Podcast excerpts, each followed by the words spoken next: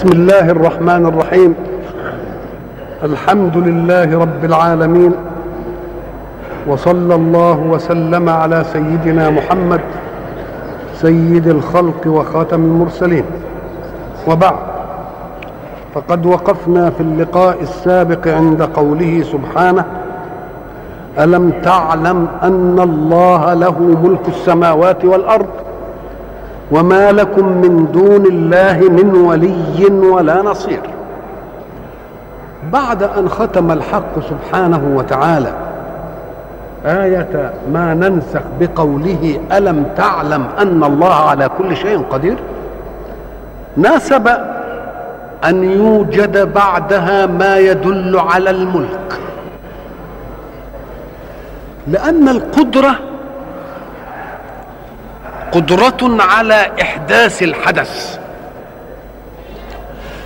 ولكن الملك يقتضي أن تملك ما تحدث فيه الحدث. فهب أن إنسانا قال لك أنا قادر أن أصنع سفينة من كذا ومن كذا ومن كذا. له صفة يبرز بها الشيء. ولكن قد لا يكون عنده ما يصنع منه الشيء ولا ما هو مجال للقدرة. فكأن الحق يبين لنا أنه يقدر ويملك المقدور. يقدر ويملك المقدور. قد تقدر أن تفعل ولكنك لا تملك المنفعل لك. فتبقى قدرة معطلة إلى أن يأتي من يملك ليقول لك افعل بقدرتك فيما أملك أنا. ولكن الله لا لا يكون كذلك لأنه قادر ويملك المنفعل لقدرته. فلا يتأبى عنه شيء. قد يوجد في البشر قادر ويقول لمن يملك أصنع لك فلا يرضى. وقد يملك الإنسان ويطلب من الصانع أن يصنع. فلا يقبل؟ إذا فقد تنفك جهة الإبراز في المقدور. والمملوك لكنها مع الحق لا تنفصل. هو يقدر ويملك المنفعل لقدرته. إذا فناسب أن يأتي بعد قوله ألم تعلم أن الله على كل شيء قدير؟ أن يقول ألم تعلم أن الله له ملك السماوات والأرض. كل شيء في الوجود ملك له. فهو سبحانه وتعالى يتصرف بقدرته فيما يملك. ما دام الأمر كذلك يطمئن الله نبيه صلى الله عليه وسلم بأنهم وإن ملكوا أشياء لأن اليهود في المدينة كانت لهم قدرات متعددة. يملكون المال يملكون شيء من علم الحياة يملكون كل شيء ولذلك كان الاقتصاد كله في إيدهم والعلم في إيدهم. فيريد الحق سبحانه وتعالى أن يطمئن رسوله على أنه يملك كل شيء.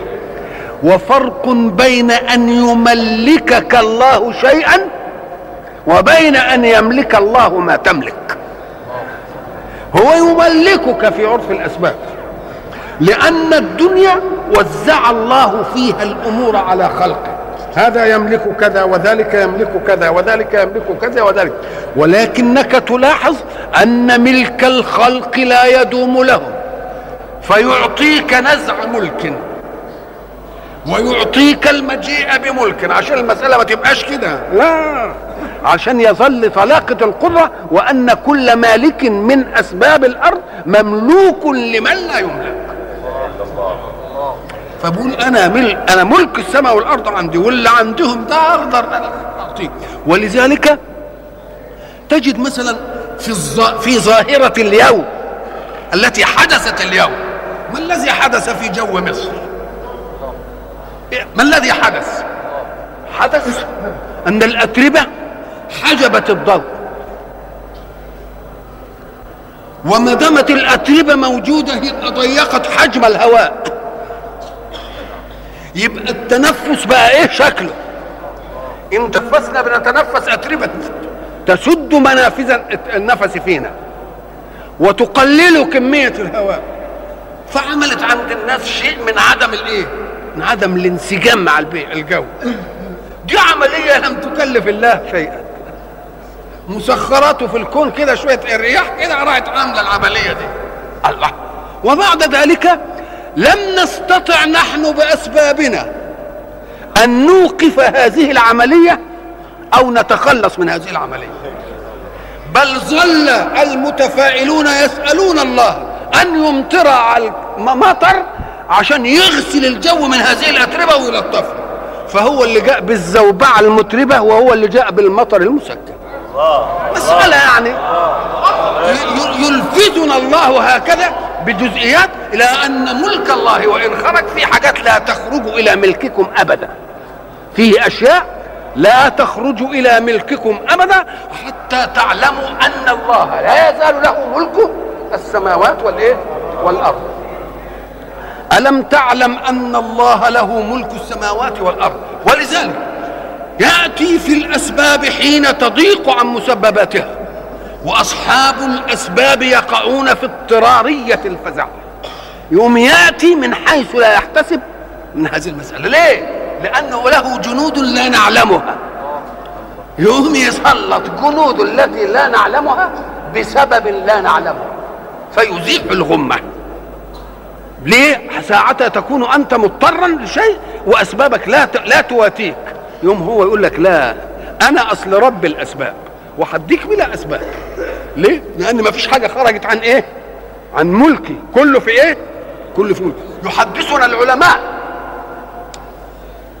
أن العسس ومعنى العسس هم الجنود الذين يسيرون ليلا. زي ما تقول بيعس ما إحنا عندنا الكلمة دي. يعس يعني إيه؟ يعني يمشي بالليل عشان يشوف ده ماشي ليه وده قاعد ليه وده ليه بقى فاتح الدكان ده آه. اسمه إيه؟ اسمهم العسس. فواحد كان يسير ليلا فرأى العسس فقال لك بدل أن يسألوني أين تذهب وندخل كده اجري منهم والداره فلما جرى لفت النظر إليه. فذهبوا وراءه. فجرى إلى أن ذهب إلى مكان خرب. ليستتر فيه. فلما دخلوا عليه أمسكوا به. وإذا بقتيل في ذلك المكان الخرب. لا حول ولا قوة. اولا الملابسات توحي بان ده فأمسكوا به على أنه القاتل. وأخذوه ليحاكموه.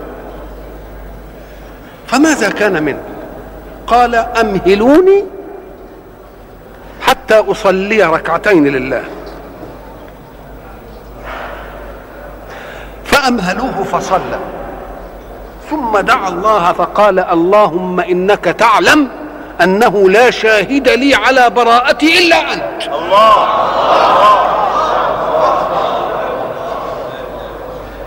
وأنت أمرتنا أن لا نكتم الشهادة.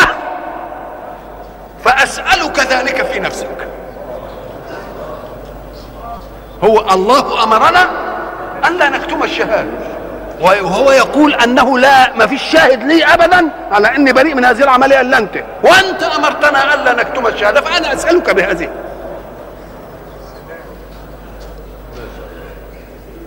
فبينهم كذلك وإذا برجل أقبل وقال أنا قاتل القتيل آه شوف بقى أهدي تثبت بقى لله ملك السماوات ويملك الخواطر. راح مقوم له صاحب الشرف. فأقر بأنه اللي قتل فتعجب الناس. قالوا له لماذا تقر ولم يرك أحد؟ والله ما أقررت إنما جاء هاتف فأجرى لساني بما قلت. أنا كنت أقصد هذه. فلما أقر بأنه القاتل قام ولي المقتول وهو ابنه وقال اللهم إني أشهدك أنني قد أعفيت قاتل أبي من ديته وقصاصه الله! تبقى دي تيجي إزاي المسألة دي؟ إزاي دي تيجي؟ شوف طلاقة بقى قدرة الحق. يعني يعني ال- الذي الذي قتل كان يحب أن ولكن انظروا إلى إلى إلى دقة السؤال من السائل وإلى دقة تأتيه في أن يصلي لله ركعتين لأن الرسول علمنا إذا حزبه أمر قام إلى الصلاة. ما فيش ليس لا يوجد عنده إلا هذا الباب. لازم يروح في حضرة ربه. وكيف ناجى ربه؟ وكيف استطاع بتوفيق الله له أن يسأل الله ما سأله الله منا. أنت أمرتنا قال شوف الكلام. أنت أمرتنا الا نكتم الشهادة ولا يشهد ببراءة أحد إلا أنت. وبعد ذلك يكون ما يكون من إقرار القاتل ومن عفو ولي الدم. يبقى دي عملية تدل على أننا في قبضة إله. يوجه وإن لم ترد. وينقذ وإن لم توجد وإن لم توجد أسباب. فكذلك أنت يا محمد مع هؤلاء إياكم أن تخافوا من أن لهم ولهم ولهم ولهم فأنا ملك السماوات والأرض في يدي. وأستطيع أن أصنع كل شيء فأقبل على دعوتك بيقين أن الله إيه؟ وليك وناصرك. شوف الآية زيلت كيف زيلت الآية؟ لله ملك السماوات والأرض وما لكم من دون الله من ولي ولا نصير. إيه ولي وإيه نصير؟ الولي هو من يواليك ويحبك. ولكن أكل موال محب له قدرة على أن ينصر. قد أكون مواليك ومحبك إنما ما عنديش قدرة. إنما إن كانت المسألة كده أدبيا وأدافع وأجيب لك حجة أداء كده.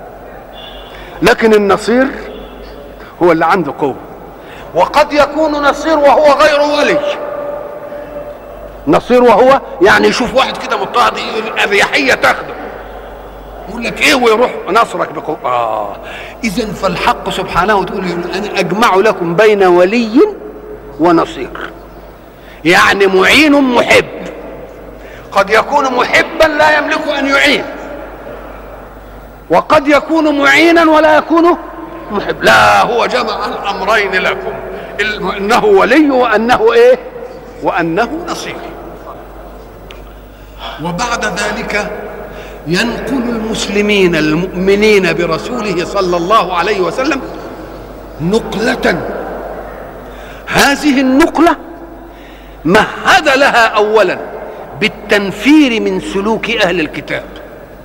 حتى يربي في قلوب المسلمين بغضا له.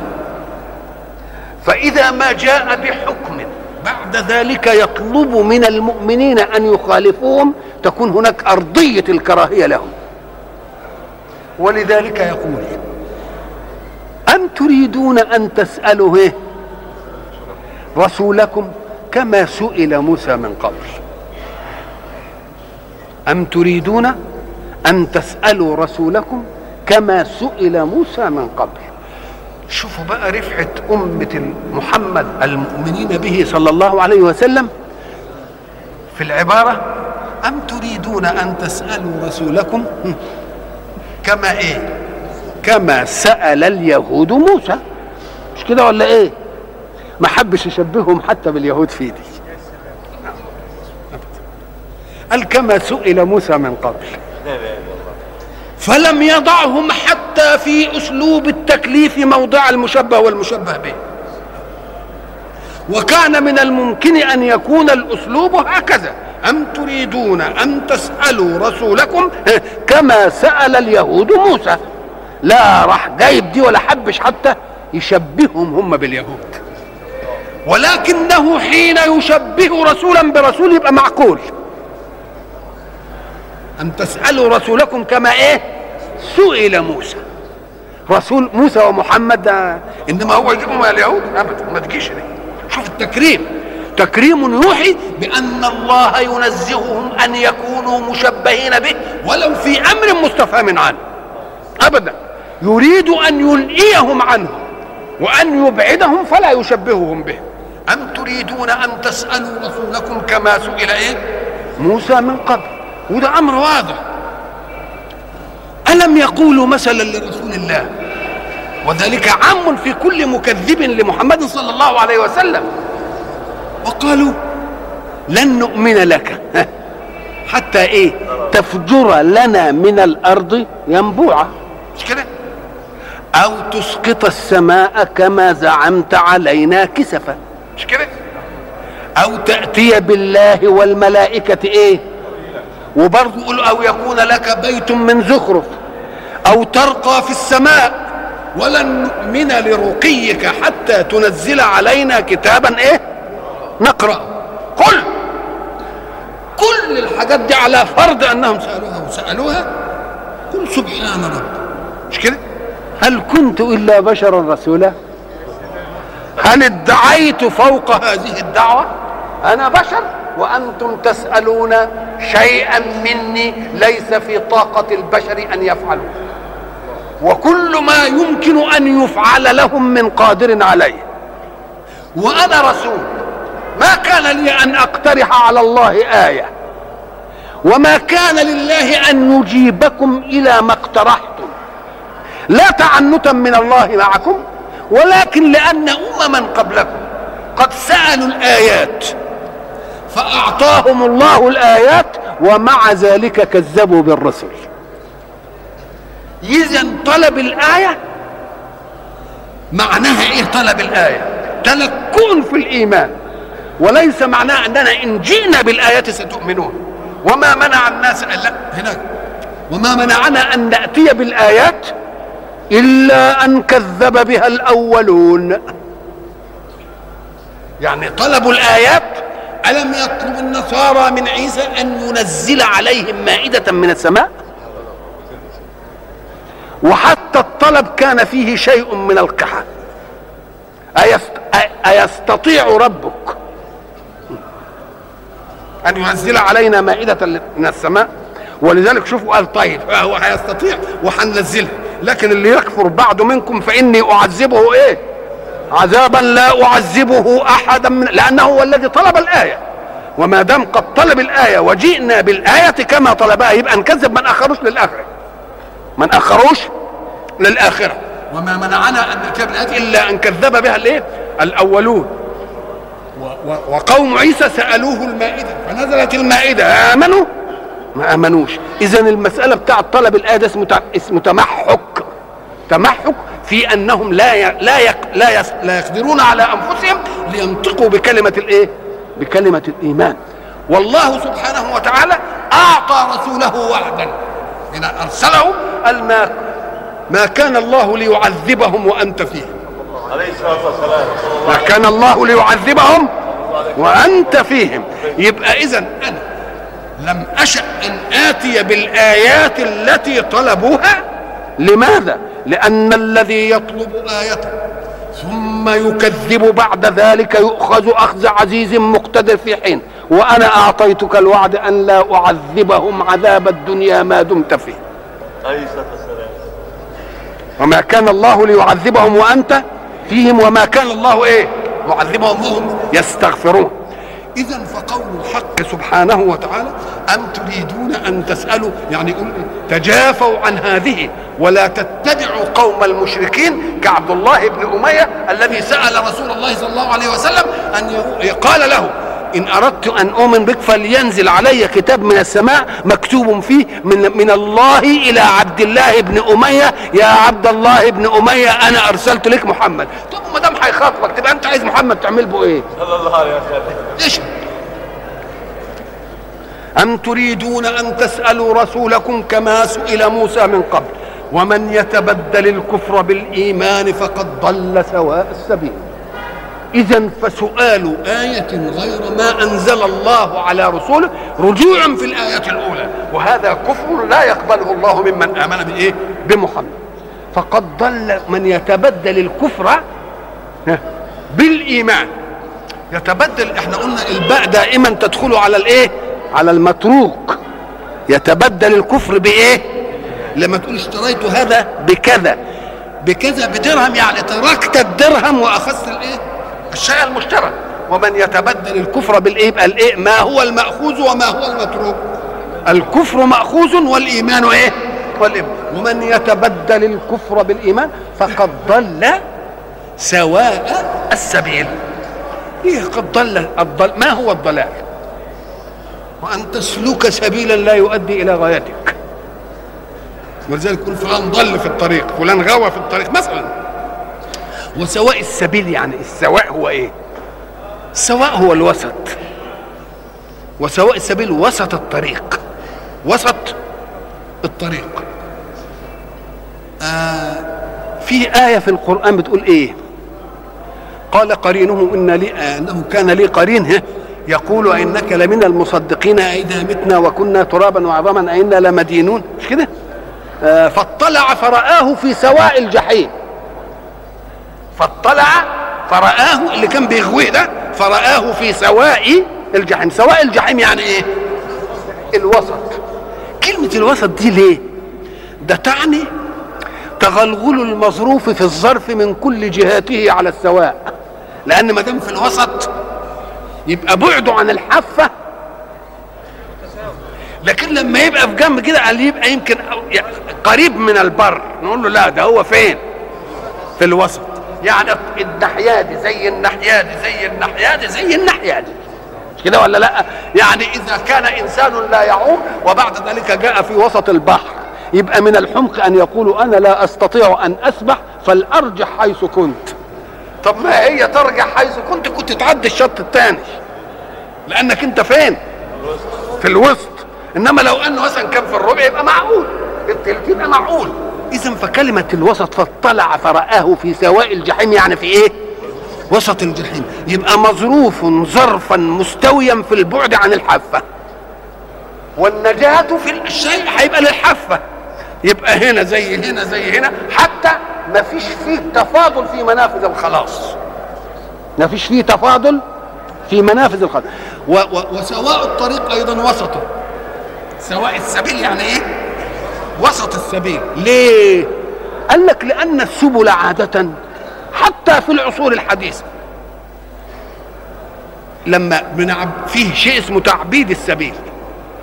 يعني ناخده كده بس مسح بالدركتر نسوي العالي والواطي وإنما يفضل إيه؟ حصى وإيه؟ وتراب وفيه مثلا نعمله كده نحط عليه شوية خرسانة وشوية مش عارف إيه وبتاع وحاجات زي دي فبنعملها على قدر الإيه؟ على قدر المرور.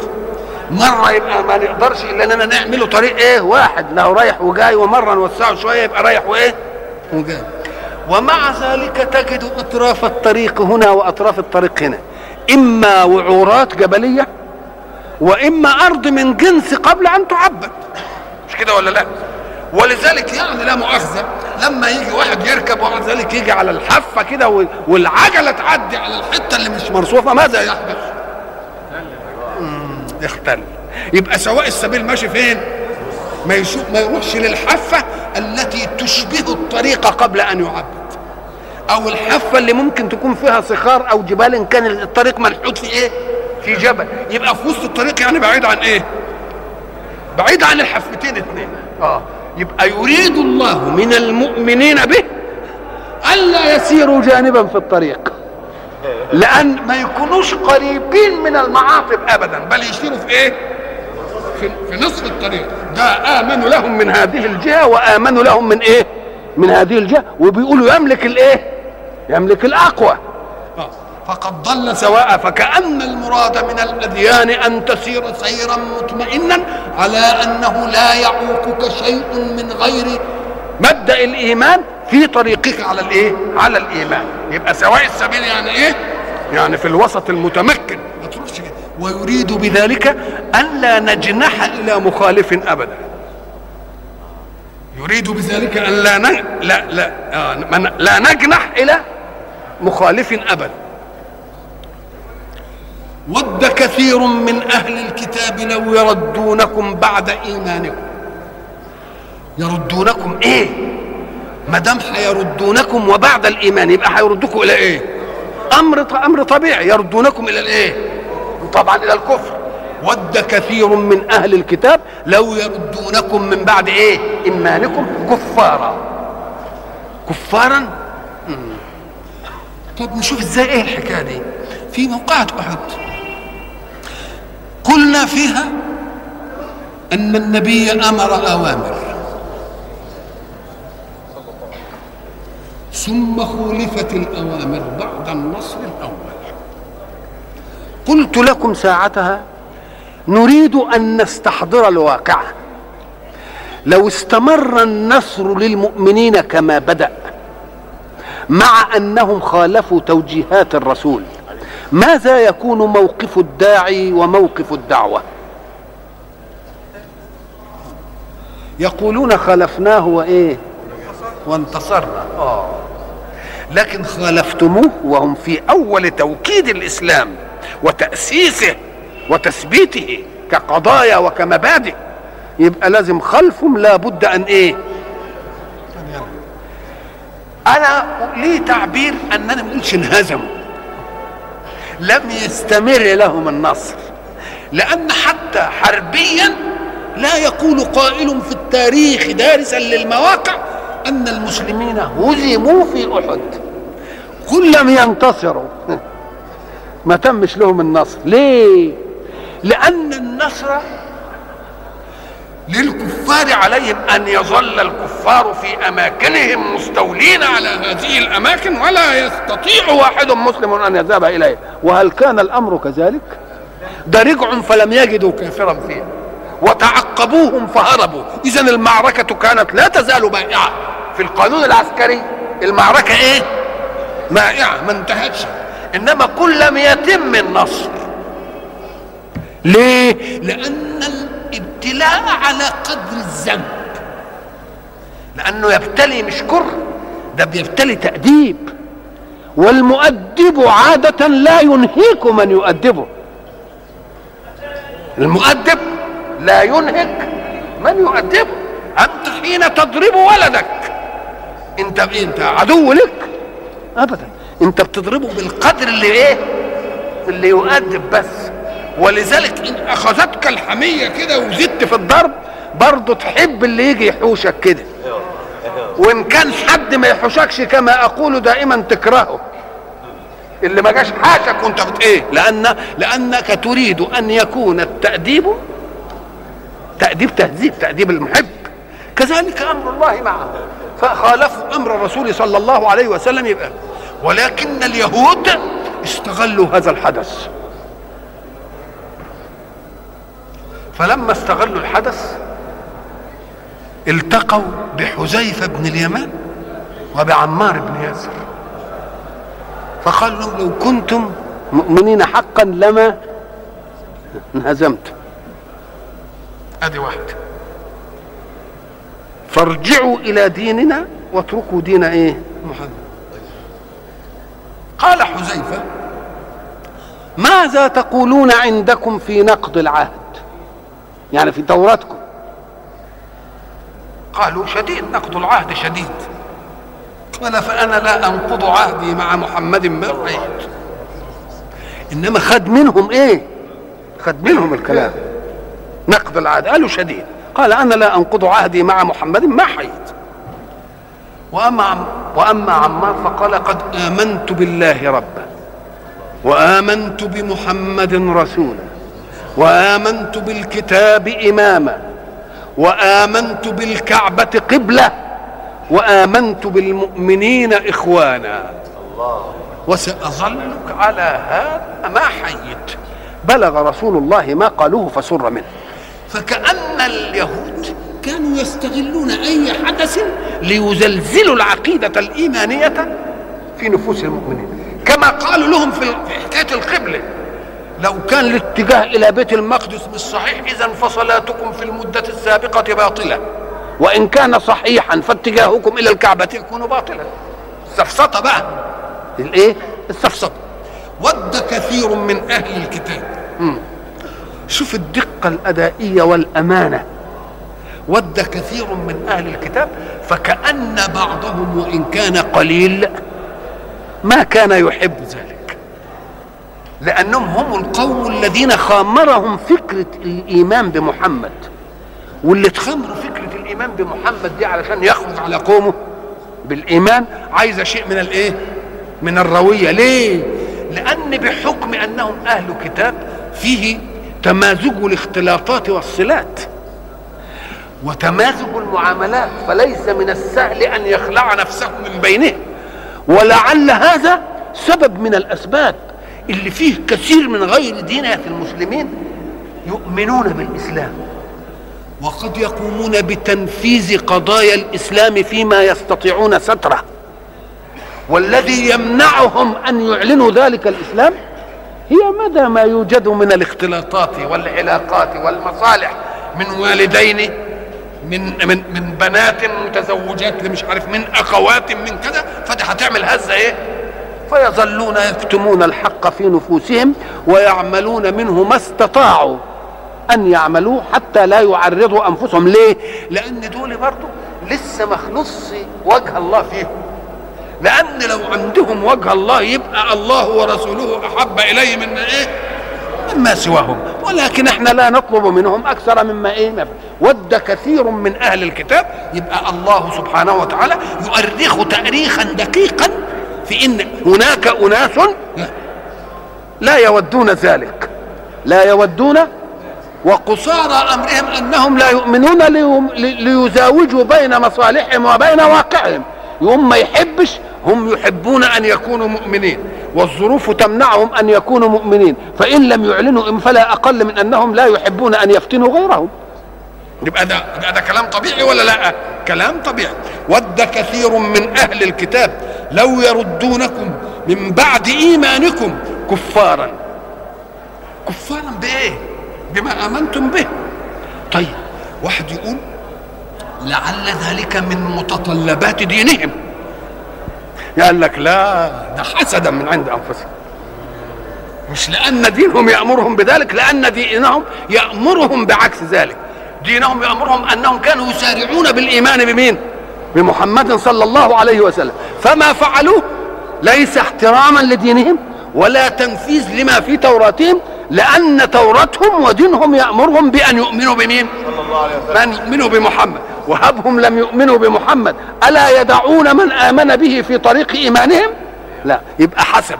ومعنى الحسد أن تتمنى أن تزول إيه؟ النعمة عنه. نعمة عنه. ولو لم تذهب إليك. ولو لم تذهب إليك.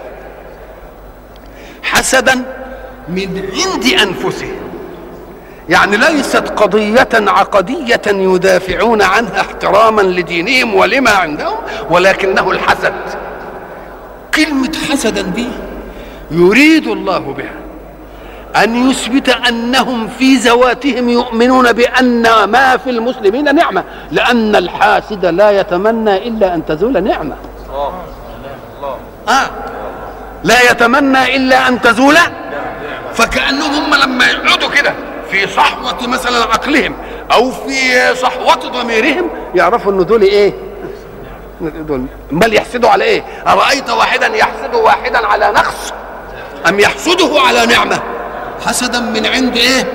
من عند أنفسهم لأن هناك حسد ولكنه يعرف بالغبطة يكون من منطق الدين هناك حسد يكون من منطق إيه ولذلك يبين الرسول صلى الله عليه وسلم ذلك فيقول لا حسد إلا في اثنين. فكأن الحسد محرم إلا في إيه؟ في اثنين. رجل آتاه الله مالا فسلطه على ورجل آتاه الله علما فهو يقضي به بين الناس. يوم هو ده اللي إيه؟ اللي يجب إنك أنت تحسده. وما دام تحسد واحد عمال بيعمل الخير كده بتحسده يعني إيه؟ تغبطه يعني وتحب أن تكون إيه؟ فإن كان الحسد إن كان ولا بد أن تحسدوا أيها الناس فلا تحسدوا إلا هذين.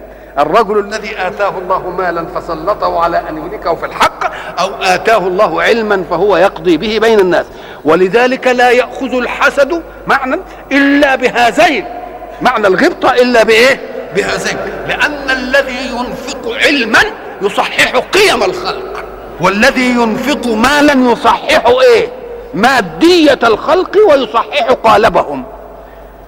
يبقى اللي بيصحح دي واللي بيصحح دي إن كان ولا بد أحد يحسد أحد فليحسده على إيه؟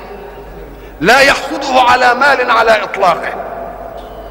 بل يحسده على مال ينفق في الإيه؟ لا يحسده على علم على إطلاقه. بل يحسده على علم مبذول للناس. وما دام بيحسد ما دام الحق ما دام الرسول صلى الله عليه وسلم يريد منا أن لا يكون الحسد إلا في هذين الشيئين فهو ينفي الحسد في أي؟ لا تحسد واحدا في صحته لا تحسد واحدا على مال لم يوفق في إيه؟ في مصرفه لا تحسد واحدا على علم يتعالم به ويتعالى ويتكبر. نقول له كل ده ما إيه؟ ما ينفعش. حسدا من عند أنفسهم يبقى كلمة إيه؟ ود آه، ود كثير من أهل الكتاب لو يردونكم من بعد إيمانكم بمحمد كفارا أي كفارا بمين؟ كفارا ب- بمحمد. حسدا يعني ليس هذا من مقتضى إيمانهم لأن إيمانهم يطلب منهم غير إيه؟ غير ذلك. وحسد من عند أنفسهم. شوف كل قيد في القرآن جاء لمعنى. كل قيد في القرآن يعني كلمة حسد جاءت علشان تنفي أن يكون موقفهم ذلك لخدمة قضية عقيدتهم أو دينهم أو اتباعا لتوراتهم أو لتعاليم سيدنا موسى. يقول لا ده دي حسد. والحسد زي كما قلنا فيه حسد ليس من عندنا ولكن بتكليف الشرع نحسد في كذا وكذا. برضه قال لا ده من عند إيه؟ من أم من عند أنفسهم خاضعا لإيه؟ لهوى. من بعد ما تبين لهم الحق. من بعد ما تبين لهم الحق. تبين لهم الحق إيه؟ فيما عندهم من كتب. وإلا تبين لهم الحق فيما جاء به الرسول هم بيكذبوه. فإحنا يبقى الحجة عندنا إيه؟ ما عندهم. فاعفوا واصفحوا حتى يأتي الله بأمره. أهي اللي جت في الإيه؟ في الأول. اذا فاعفوا واصفحوا دي قضية الاختار فيها التقنيني يحمل أنها ستغير. يحمل أنها ولكن ستغير إلى إيه؟ بالخير لما لما تكون عندكم الإيه؟ القوة اللي تستطيعوا أن كنتم تؤدبوهم فيها الإيه؟ الأدب الذي لا يمكن أن يكون أدبهم إلا به. لكن الآن ولذلك قلنا قديما ربما تقتضيك الشجاعة أن تجبن ساعة. ربما تقتضيك الشجاعة أن تجبن ساعة. هب أنك جالس في بيتك ودخل عليك إنسان مثلا كده وحامل مسدس وقال قم قف يا ابن ال مثلا أمن الشجاعة أن تعارض؟ حاضر يا سيدي حاضر. إلى أنك تدير فكرك لأنك فوجئت بالموقف تدير فكرك وتشوف بقى هتعمل إيه. أو ربنا سبحانه وتعالى يتجلى عليك بالأسباب حاجة كده تروح فتح عليكم الباب واحد جه من ورا ظهره كده وقال له إيه؟ مثلا. يبقى ربما تقتضيك الشجاعة أن تجبن إيه؟ ولا تكون ولا يكون الجبن هنا جبنا بل يكون إيه؟ شجاعة. ليه؟ لأن من الشجاعة أن تشجع على عدوك. ومرة تكون الشجاعة شجاعة مركبة أن تشجع على نفسك. الله. أن تشجع على نفسك. دي الشجاعة الإيه؟ شجاعة مركبة. ما تضيعش المسألة كده في طيس. نعم. فاعفوا واصفحوا. ما العفو إيه؟ والصفح هو إيه؟ آه آه نقول عفا. عفت الريح الأثر. الأثر ساعتها يمشي الإنسان يتركه إيه؟ بصمة بقدمه على الأرض. البصمة دي يختلف سمكها باختلاف شيئين. رخاوة ما تحتك والوزن. رخاوة ما تحتك والوزن. تقوم يجي نظرا لأن أغلب أراضي العرب كانت رمال يقوم لما يجي شوف بقى وزن الرجل على الإيه؟ على الرمال. ولذلك كانوا يعرفون المؤثر بأثره. حتى إنه يقول لك ده مثلا آه، لا ده دي أعرج. ال- الحيوان اللي كان ماشي هنا أو الراجل اللي كان ماشي هنا أعرج. لأنه يجد رجل غيصة قوي ها؟ ورجل سطحية شوية يقوم إيه؟ يعرف من الاثر الراجل اللي شاف ال- البعير. وبعدين قال له لا ده البعير ده كمان أعور. وذنبه مقطوع أبتر ملوش ذنب. إيه مساله يعني؟ قال أيوه اعرج ليه؟ لأنه رأى رجل إيه؟ ها؟ غيصه أكتر شوية والرمل واحد. طيب. عرفنا دي إنه اعرج طب وأنت عرفت إنه أعور إزاي؟ قال لك لأنه بيرعى على اليمين وفيه في الشمال عيدان أخضر وما بيروحش ليه. يبقى مش شايف يعني يرعى من الناحية دي ما بيروح كده ويروح كده ويروح كده. طب وعرفت إن هو مقطوع الذنب إزاي؟ لأنه وجد البعر بتاعه في حتة واحدة مش مفرق وهو ديله ساعة ما يجي يعمل البعر كده يضرب بديله كده تروح كده ودي تروح كده. فشافوا كده عدل قال لا ده ملوش ذنب يبقى إذا عفت عفا يعني الريح آه، جت فراحت مضيعة الإيه؟ مضيعة الأثر. كذلك فاعف عنهم وكأن ما حصل. وكأن إيه؟ ما حصلش. واصفحوا. معنى اصفحوا يعني اضرب صفحا عن هذا الموضوع. ما تخليش في بالك ليه ما تخليش في بالك لأنني بقول لك حتى يأتي الله بإيه؟ بأمر. أنا مانيش غافل عن الحكاية دي عارفها كويس. بس إيه؟ ولذلك هناك في اللقاءات ال- ال- ال- الحربية بين الإيمان والكفر يقول الله سبحانه وتعالى آه ما لكم إذا قيل لكم انفروا في سبيل الله اثاقلتم إلى الإيه؟ رضيتم بالحياة إلى آخره. ومن يولهم يومئذ دبره